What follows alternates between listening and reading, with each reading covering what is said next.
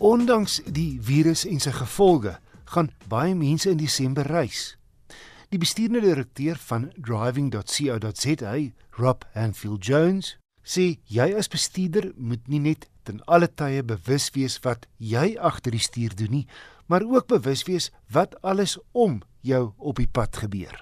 Dit is die basiese beginsel van verdedigende bestuur. Jy weet soos die woord sou voorstel, verdedig jy jouself teen foute wat jy dalk self kon gemaak het, foute wat ander mense maak en as die toestande waaronder jy bestuur sou verswak, jy weet swak lig, swak weer, swak padoppervlakte en dis meer.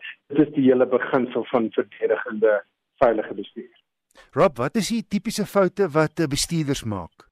Kyk, as ons mense oplei, sien ons hoofsaaklik dat die foute wat hulle maak nie moetswillige foute is nie. Dis meer goed wat hulle nooit geleer is nie, want die die vaardigheidsstel wat 'n mens as jy jou rybewys toets gaan doen, is 'n baie eenvoudige basiese vaardigheidsstel. Nou die fout wat mense maak is hulle glo dat hulle nou 'n rybewys het en dis weet hulle alles wat te weet is van bestuur en dit is nie so nie.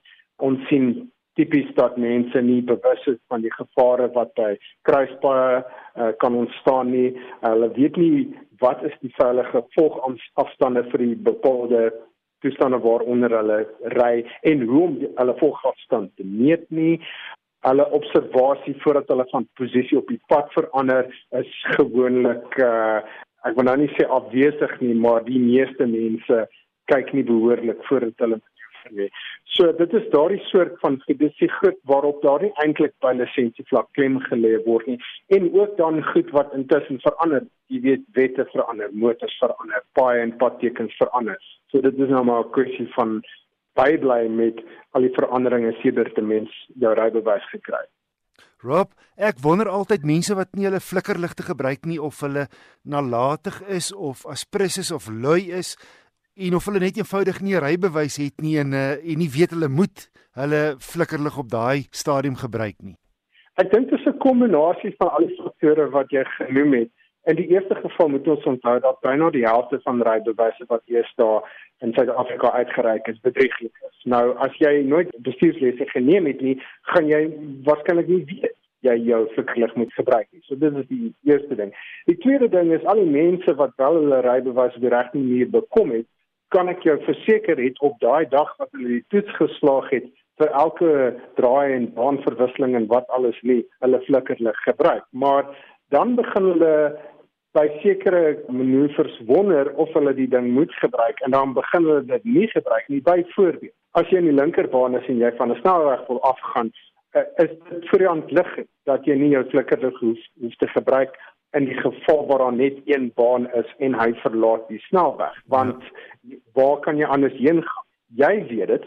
En dan begin heel wat motoriste hulle flikkerlig in daai omstandighede nie gebruik nie. Maar hulle neem nie in ag dat die ou wat agter hulle is of wat in die bane langs van hulle is nie weet of dalk nie weet waar hulle heen gaan. So dit is hoekom dit altyd belangrik is om mense ten volle op hoogte gehou van presies wat jy alles binnekort gaan doen. Wat is jou idees?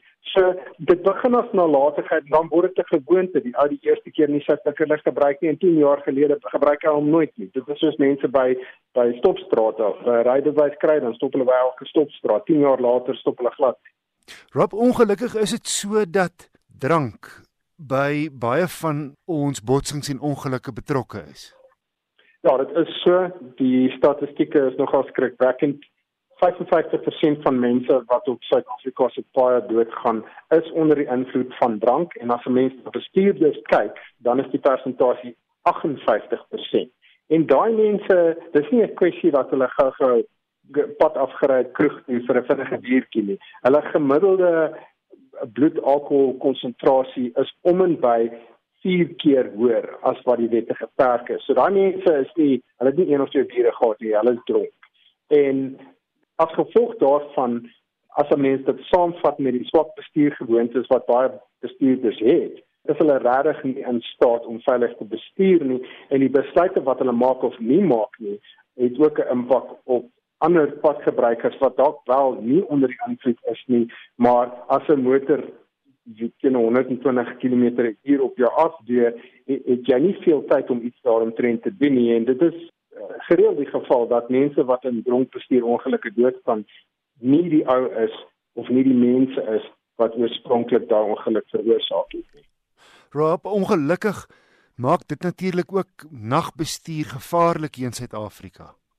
Dit doen as 'n mens gaan kyk na die hoogste risikotydperk om te bestuur, is dit tussen 1 en 5 uur die oggend. Jy is nie net effe meer op risiko van 'n noodlottige botsing, jy is vier keer meer uh, op risiko teenoor ander tydperke van die dag. En as 'n mens nou gaan kyk na die oorhoofse faktore daar agter, daar is natuurlik dronkbestuur wat ons reeds bespreek het. Daar is vermoeidheid baie bestuurders ry uh, as hulle nie behoorlik uitgerus is nie, dan begin hulle slaap raak of hulle kan nie behoorlik konsentreer nie.